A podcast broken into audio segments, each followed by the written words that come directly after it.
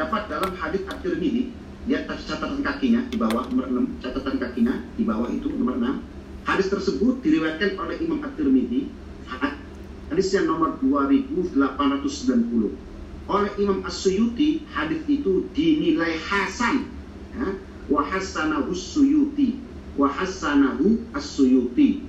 Imam Suyuti menilai riwayat dalam hadis At-Tirmidzi dengan nilai hasan. Hasan itu bisa dijadikan sebagai pegangan dan hujah. Jadi nggak aneh, nggak aneh. Kalau Allah menghendaki, ya bisa. Dalam kubur terdengar suara orang mengaji. Luar biasa, Masya Allah. Masya Allah. Terus, yang delapan, ya, nomor 317. Wa minha marwahu nafi' marwahu nafi'un marwahu nafi'un wa minha ma ma itu hadis isinya. Sebagian daripada hadis-hadis tersebut adalah ma hadis rawahu yang meriwayatkan ma nafi'un imam nafi' imam nafi' meriwayatkan hadis anna ibnu umar bahwa sesungguhnya Abdullah bin Umar Umar anna ibna Umarin. Awas. Anna ibna Umar boleh anna ibna Umarin boleh. Ya.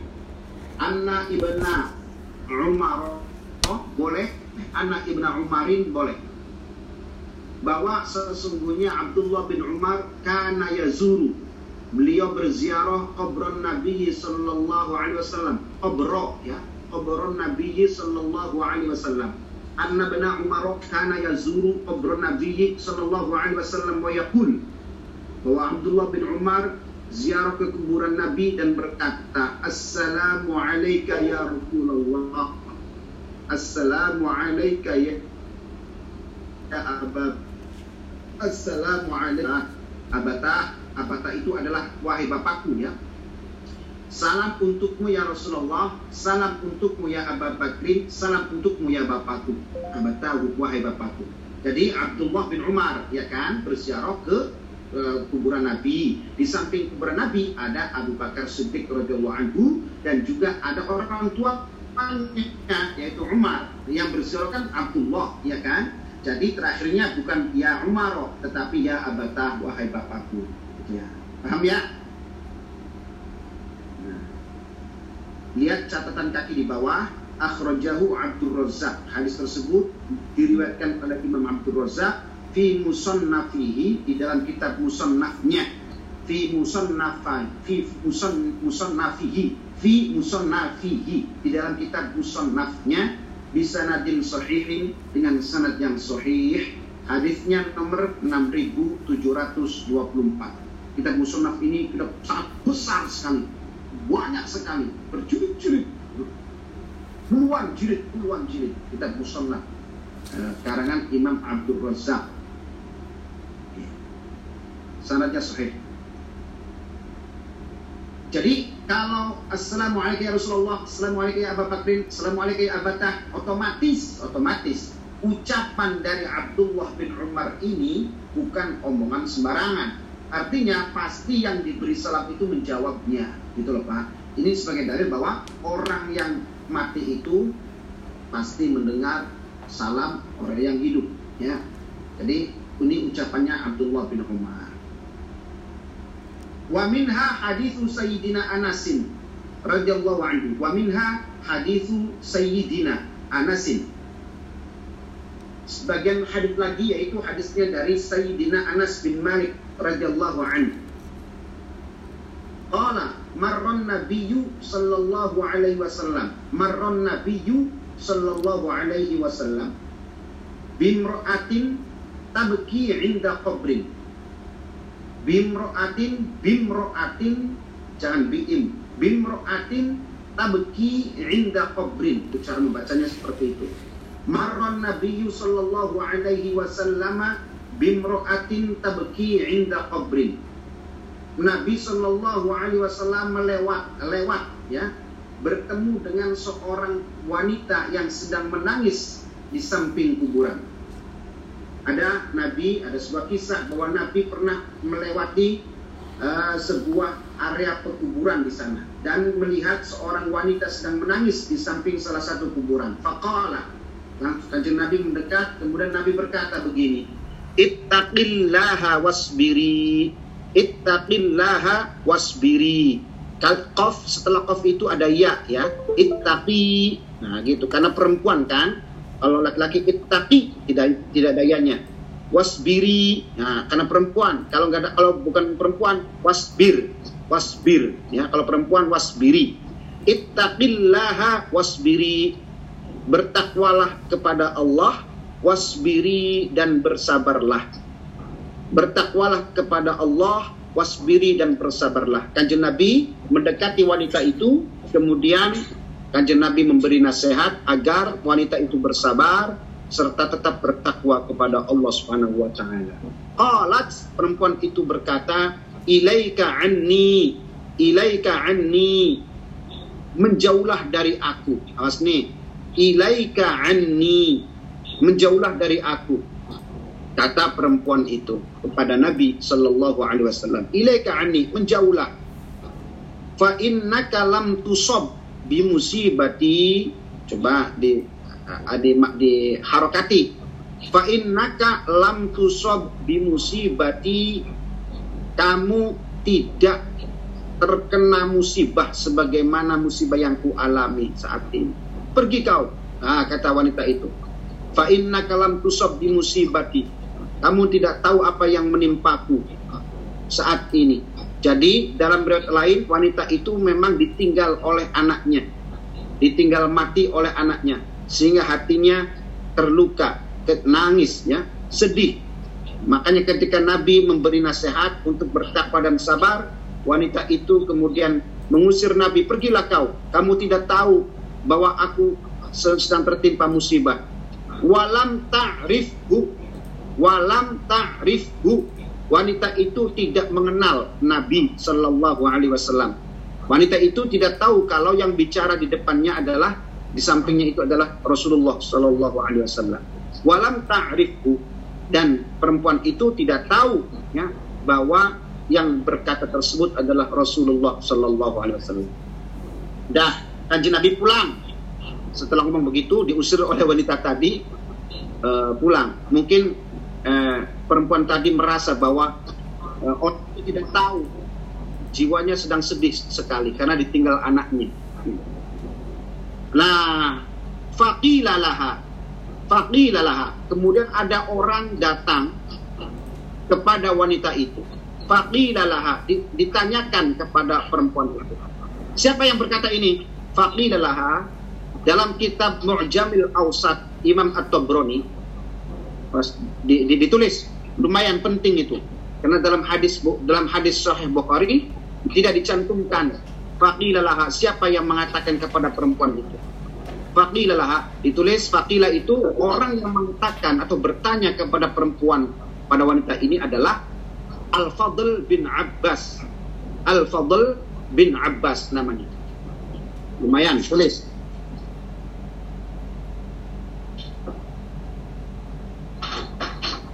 namanya Fadl bin Abbas radhiyallahu anhu. Seorang sahabat. Namanya Fadl bin Abbas radhiyallahu anhu. Ini uh, disebutkan di dalam kitab Mu'jam Al-Awsat karangan Imam At-Tabrani. Tulis referensinya. Sebab dalam Sahih Bukhari tidak di, tidak disebut seperti itu namanya. Yang ada itu ada dalam kitab Al-Awsat uh, Mu'jam Al-Awsat karangan Imam At-Tabrani ya namanya Fadl bin Abbas. Faqila laha innahun nabiyyu sallallahu alaihi wasallam. Kamu tahu wahai ibu siapa yang berbicara tadi? Dia adalah Nabi sallallahu alaihi wasallam.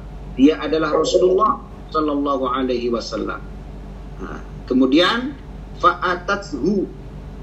Akhirnya perempuan tadi wanita tadi karena kaget ternyata yang berbicara tadi adalah Rasulullah. Dia tidak tahu, makanya dia mengusir, mengusir uh, kanjeng Nabi.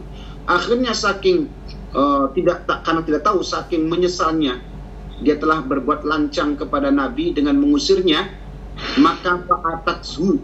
Nah, dalam riwayat lain nih, fa'atat baban Nabi sallallahu alaihi wasallam. Maka dia datang kepada Nabi. Uh, ternyata di situ uh, dalam lain mengatakan atas baban Nabi dia datang melalui pintu rumah Nabi. Perempuan itu datang ke pintu rumah Nabi. Fa'atatshu, atatshu. Falam tajid indahu bawabina. Falam tajid indahu bawabina. Alas harokatnya, jangan sampai salah. Fa'atashu, falam tajid indahu bawabina. Sampai di pintu rumah Rasulullah Sallallahu Alaihi Wasallam dia tidak temukan di sana kanjeng Nabi. Ya, ditutup pintunya. Nah, Faqalat. Terus dia tetap karena tidak bertemu Nabi di balik pintu wanita itu berkata, Faqalat. Lam a'rifka. Lam a'rifka. Saya tidak mengenal engkau ya Rasulullah Sallallahu Alaihi Wasallam. Mohon maaf kalau tadi saya berbicara lancang karena saya tidak mengerti bahwa itu adalah engkau. Lam a'rifka. Saya tidak mengenalmu, tidak tahu kalau itu adalah engkau. Faqalat. Nah, di balik pintu kanjeng Nabi mendengar itu, lalu kanjeng Nabi bersabda, "Innamas sabru 'inda sadmatil ula." Kesabaran itu letaknya adalah di awal pertama kali. Ya. Innamas sabru 'inda sadmatil ula bahwa kesabaran itu adalah ketika pertama kali terjadi musibah ya. Terjadi musibah pertama kali itulah kesabaran. Jadi kalau sudah gini nih kalau sudah lama terjadi sesuatu menimpa kita terus kita ngomong ya sudahlah sabar aja lah. Udah terjadi ini udah lama. Ya bukan itu. Sabar itu ada di fase awal di kejadian pertama. Innama sabru inda sodmatil ula kesabaran itu letaknya ketika pertama kali terjadi. Ya, di situlah kesabaran. Paham ya? Jadi kesabaran itu ada pada pertama kali. Jadi bukan pada selanjutnya gitu. Uh, kejadian apa ya misalkan nih uh, terjadi musibah motor kita ditabrak misalkan nih. Nah, ya sudah di saat itulah kemudian kita sabar bahwa ini sudah menjadi ketentuan Allah. Nah, pada saat terjadi pertama, kalau sudah tiga hari, empat lima terus saja udah, terus ah, udah sabar aja lah, motor udah hilang juga, udah takdirnya anu anu. Pertama, padahal pertamanya nggak sabar gitu, wah macam-macam mulak malik hatinya, wah nggak terima anu anu nah. Dia sabar itu setelah beberapa hari berikutnya. Ya udah sabar aja lah, udah udah terjadi ini anu anu lah ini bukan itu yang dimaksud oleh Nabi. Yang dimaksud sabar itu ada pada permulaan kejadian awal tadi. Innama sabru inda sodematil ula. Itu ya. Hadis itu diriwayatkan oleh Imam Bukhari dan Imam Muslim ya muttafaqun alaih. Yang ke-10 wa minha jadi dalam hadis itu hikmahnya pelajarannya pelajarannya ya boleh bukan hanya ziarah kubur diperbolehkan. Laki-laki perempuan saja kanjeng Nabi tidak melarang. Nah ini hadisnya. Ini hikmahnya, pelajarannya dari hadis ini di antaranya adalah diperbolehkannya seorang wanita ziarah kubur. Ziarah kubur. Nabi di situ hanya mengatakan ittaqillaha wasbiri bertakwalah kepada Allah dan sabarlah. Nabi tidak melarang. Tidak ada kata-kata dari Nabi jangan berziarah kubur. Ya, jangan berziarah kubur. Nabi tidak ada larangan dalam hadis tersebut. Yang Nabi katakan adalah ittaqillaha wasbiri. Sehingga hukumnya bisa diambil kesimpulan bahwa wanita tidak dilarang berziarah kubur. Yeah. Tapi kenapa Imam At-Tabari menghukumi makruh ya, bagi wanita untuk berziarah kubur? Dan ini banyak diikuti oleh ulama-ulama kita di Indonesia sehingga jarang sekali kita melihat wanita-wanita itu berziarah kubur. Karena ada beberapa ulama di antaranya Imam At-Tabari memakruhkan memakruhkan bukan mengharamkan ya, memakruhkan wanita ziarah kubur juga karena melihat melihat kejadian ini, hadis ini. Ya, Kanjeng Nabi tidak melarangnya benar, tapi Nabi melihatnya perempuan itu menangis di situ, ya. Menangis keras sehingga Kanjeng Nabi mengatakan ittaqillah wasbiri. seperti sehingga Nabi bahkan na- Nabi diusir ya, oleh perempuan tadi. Jadi seorang wanita itu jiwanya itu terlalu eh, apa namanya terlalu tipis, hatinya terlalu tipis, terlalu eh, apa namanya gampang terenyuh.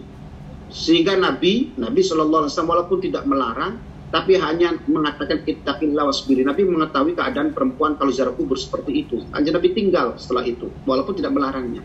Oleh karena itu, Imam Tobari em, melihat hadis ini, perempuan itu siogyanya tidak usah berziarah kubur.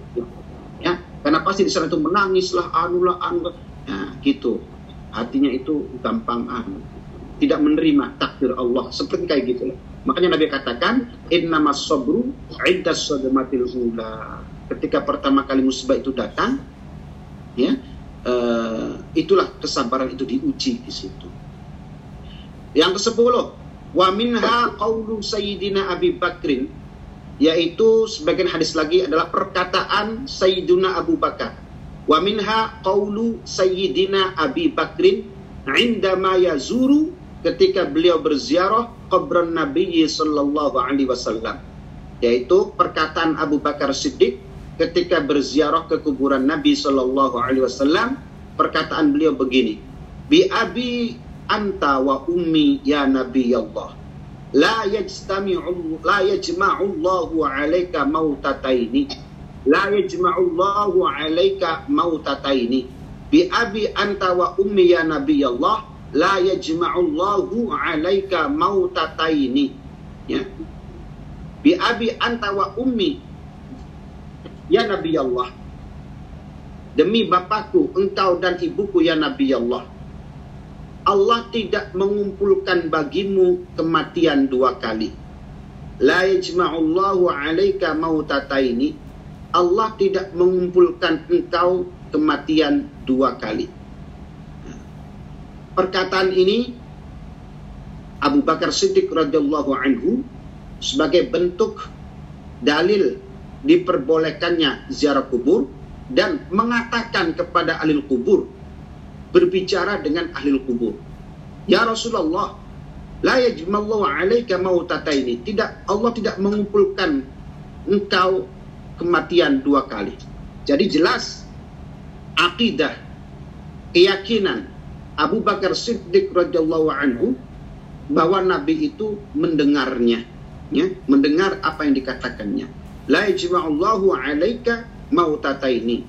Engkau tidak mungkin ya uh, bertemu dua kematian karena Allah tidak akan melakukan hal tersebut. Wa minha hadis itu diriwayatkan oleh Imam Bukhari sahih, Imam An-Nasa'i dan Imam Ahmad bin Hanbal dalam kitab Musnadnya. Yang ke-11 wa minha ma rawahul Baihaqi an Sayyidina Abi Hurairah annahu sallallahu alaihi wasallam waqafa ala Mus'ab bin Umair. Yaitu sebagian lagi dari hadis yang diriwayatkan oleh Imam Al-Baihaqi radhiyallahu rahimahullahu taala. Hadisnya dari Sayyidina Abu Hurairah radhiyallahu anhu bahwa Nabi sallallahu alaihi wasallam waqafa berdiri ala Mus'ab bin ala Mus'ab bin Umair hina rajaha min Uhudin wa ala ashabihi. Haji Nabi berdiri di atas mayat Mus'ab bin Umar ketika kan Nabi kembali dari perang Uhud. Wa ala ashabihi juga uh, dengan para sahabat-sahabatnya di situ. Faqala Nabi berkata ushidu annakum ahya'u indallah. Aku bersaksi bahwa kalian adalah hidup di sisi Allah. Ini kepada para syuhada perang Uhud. Ushidu annakum ahya'u. Aku bersaksi bahwa kalian itu hidup indallahi di sisi Allah Subhanahu wa taala. Fazuruhum. Aku perintahkan kalian para sahabat untuk menziarahinya. Wasallimu alaihim dan memberi salam kepada mereka para syuhada Uhud. Ushidu annakum ahya'u indallahi aku bersaksi bahwa kalian adalah hidup kata Nabi di sisi Allah. Maka ziarahlah kalian semua wahai para sahabat ke syuhada Uhud. Wasallimu alaihim dan berilah salam kepada mereka. Fawalladhi nafsi biyadih maka demi Allah yang diriku berada di atas kekuasaannya kata Nabi. La yusallim la yaslimanna alaihim ahadun. La yuslimunna la yuslimunna alaihim yusallim yusallimunna alaihim. La yusallimunna alaihim ahadun illa raddau alaihi ila yaumil qiyamah. Jangan raddu raddau. Ah, la yusallimunna alaihim tidaklah memberi salam kalian atas mereka. La yusallimunna alaihim ahadun. Tidaklah satu di antara kalian memberi salam kepada mereka illa raddau alaihi kecuali mereka membalas salam itu ila yaumil qiyamati sampai hari kiamat. La yusallimunna la yusallimunna alaihim ahadun illa raddau alaihi. Tidaklah memberi salam satu di antara kalian kepada mereka kecuali mereka menjawab salam illa ila yaumil qiyamati sampai hari kiamat. Jadi kuburan atau para syuhada Uhud itu ketika diziarahi dan diberi salam pasti mereka menjawabnya sampai hari kiamat jadi mereka itu hidup di sisi Allah Subhanahu wa taala ini hadis terdapat dalam riwayat Imam Al-Baihaqi dari Abu Hurairah radhiyallahu anhu. Wa minha ma rawahu Ibnu Asakir fi tarikh Dimashq.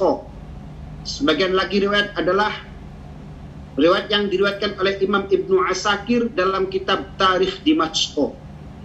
Tarikh Damaskus. Ya, dalam kitab Tarikh Damaskus karangan Imam Ibnu Asakir. Di situ disebutkan ya wal Baihaqi dan juga Imam Al Baihaqi dari siapa riwayatnya? Dari Sa'id bin Musayyab. Dari Sa'id bin Musayyab qala. Dari Sa'id bin Musayyab qala. Sa'id bin Musayyab ini bukan sahabat seorang tabi'in. Ditulis tabi'in ya Sa'id bin Musayyab ini tabi'in bukan seorang sahabat. Sa'id bin Musayyab dari Sa'id bin Musayyab ada yang mengatakan Musayyib. Yang yang benar adalah musayyab walaupun musayyib juga terlaku. Kasratin isti'mal banyak yang mengatakan musayyib. Tapi yang lebih tepat adalah musayyab an Sa'idin bin al-Musayyab qala. Berkata dakhalna maqabir kata Sa'id bin Musayyab kami masuk ke kuburan Madinah dakhalna maqabiral madinati kami bersama-sama masuk ke kuburan Madinah ma'a Ali bin ma'a Ali ibni Abi Talib bersama Imam Ali bin Abi Talib. Beliau memang muridnya Imam Ali di antara sahabat yang menjadi guru adalah Imam Ali. Gurunya Sa'id bin Musayyab. Karena kita tahu Sa'id bin Musayyab itu seorang tabi'in, bukan sahabat karena tidak berjumpa Nabi, tapi beliau bergurunya kepada para sahabat. Salah satu gurunya adalah Imam Ali bin Abi Talib. Kata Said bin Musayyab, kami masuk ke sebuah kuburan ke area pekuburan Madinah bersama Imam Ali bin Abi Thalib. Fanada, fanada. Kemudian Imam Ali mengundang, memanggil-manggil penghuni kubur. Ya ahlal kubur, wahai penghuni kubur. Assalamualaikum warahmatullahi Salam sejahtera untuk kalian uh, kalian semua. Semoga Allah merahmati kalian. Assalamualaikum warahmatullah ila akhir akhiril kalimah. Ila akhiril hadis. Jadi, menurut Sa'id bin Musayyab, kami memasuki kuburan Madinah bersama Sayyidina Ali bin Abi Talib. Beliau mengundang-undang, wahai penghuni kubur, wahai penghuni kubur, ya ahlal kubur. Nah kalau orang yang diberi salam itu tidak mendengar atau penghuni kubur tidak mendengar, berarti omongan itu omongan nganggur sia-sia. Ya, Imam Ali mengatakannya ahlul kubur, ini berarti orang yang dalam kuburan mendengarnya. Ya ahlul kubur, Assalamualaikum warahmatullah. Nah, wa akhraja Ibnu Abi Dunya fi kitabihi Imam Ibnu Abid Dunya mengeluarkan sebuah hadis di dalam sebuah riwayat fi kitabihi dalam kitabnya Man Asha Ba'dal Mauti. Kitabnya judulnya adalah Man Asha Ba'dal Mauti. Judul artinya adalah orang yang hidup setelah mati. Man Asha Ba'dal Mauti. Uh, riwayat itu Anil Attaf bin Khalid dari Attaf bin Khalid. Qala Ataf bin Khalid berkata, Haddathatsni khalati. Bibiku menceritakan kepadaku. Qalat, bibi berkata, Rokibtu yauman ila kubur syuhada. Pada satu hari aku datang berziarah ke kuburan ke kubur ke kubur syuhada ya ila kubur syuhada ke kuburan para syuhada wa kanat la tazalu ta'tihim wa kanat la tazalu ta'tihim bibiku ini seorang wanita yang tidak pernah tertinggal untuk menziarahi kuburan syuhada tersebut. Qalat bibiku berkata fanazaltu inda qabri Hamzata radhiyallahu anhu. Kemudian aku menuju ke kuburan Sayyidina Hamzah radhiyallahu anhu. Fasallaitu indahu dan aku sholat di sampingnya. Dan aku sholat di sampingnya di samping kuburan Sayyidina Hamzah. Bibinya tadi wa ma fil wadi da'in wala mujibin di situ tidak ada orang yang memanggil ataupun yang menjawab. Tidak ada orang di situ. Falamma faroktu tidak ada seorang pun di situ. Wa ma fil wadi, wadi itu lembah. Wa ma fil lembah Uhud. Wa ma fil wadi da'in wala mujibin. Dalam lembah itu tidak ada orang yang manggil ataupun yang menjawab. Tidak ada orang hening sekali. Falamma faroktu min solati, ketika aku selesai solat, Falamma faragtu ketika aku selesai min solati dari solatku, ketika selesai solat, kultu. Kemudian aku berkata, Assalamualaikum. Assalamualaikum. Fasami'tu. Fasami'tu raddas salami alayya. Aku tiba-tiba aku mendengar jawaban salam alayya kepadaku. Tiba-tiba aku mendengar mendengar suara jawaban. Yakhruju min tahtil ardi yang keluar dari dalam tanah. A'rifuhu. A'rifuhu yang aku kenal suara itu. Kama a'rifu annallaha khalaqani. Sebagaimana aku mengenal Allah khalaqani yang menciptakan aku. Wa kama a'riful laila dan sebagaimana aku kenal betul malam wan nahari a'riful laila wan nahara wan nahara sebagaimana aku kenal siang dan malam hari. Faqsya'artu faqsya'artu kulla sya'ratin minni. Faqsya'artu kulla sya'ratin minni. Dan aku merasakan merinding ya. Kulla sya'ratin setiap rambutku berdiri. Jadi perempuan ini kak neneknya ya. Khalid itu di bibi ya. Bibinya Khalid ini datang ke Sayyidina Hamzah. Tidak ada siapa pun di situ, di lembah Uhud. Kemudian perempuan itu sholat dua rakaat di samping kuburan Sayyidina Hamzah. Setelah sholat selesai, kemudian memberi salam kepada ahli kubur Sayyidina Hamzah. Assalamualaikum. Tiba-tiba dia mendengar ada jawaban langsung dari dalam kubur itu.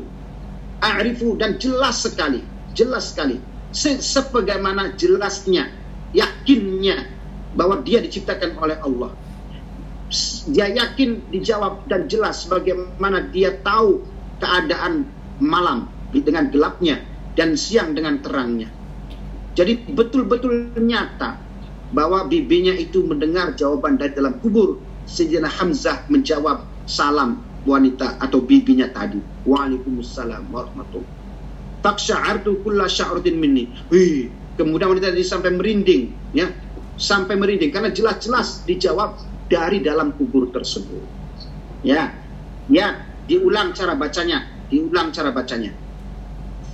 Wa akhraja Ibnu Abi Dunya fi kitabihi man asha ba'dal mauti anil Attaf bin Khalid qala haddatsatni haddatsatni khalati. Qalat raqibtu yauman ila kuburis syuhada'i. Wa kanat la tazalu ta'tihim. Qalat fanazaltu inda qabri hamzata radhiyallahu anhu. Fasallaitu indahu. Wa ma fil wadi da'in wala mujibin. Falamma faraghtu min salati qultu assalamu alaikum fasami'tu raddas salami alayya yakhruju min tahtil ardi a'rifuhu kama a'rifu annallaha khalaqani wa kama a'rifu al-laila wan nahara faqsha'irtu kulla sya'ratin minni. Udah ya? Paham? Udah. Sudah segitu aja dulu ya. Insyaallah. Atau masih ada Yang atas tadi apa Pak? Sholat rokabat ya? Rokib tu yauman, rokib tu yauman. Rokib tu itu kan asal maknanya aku menunggang kendaraan pada satu hari. Ya. Rokib tu aku menunggang, menaiki atau dengan berkuda atau naik onta. Aku menunggang kendaraan yauman pada satu hari. Ila kubur syuhada'i ya untuk mendatangi kuburan syuhada Uhud gitu. Rokib tu. Rokib tu yauman ila kuburi syuhada'i. Ya silakan ada yang muskil lagi harokatnya monggo. Bacaannya Bila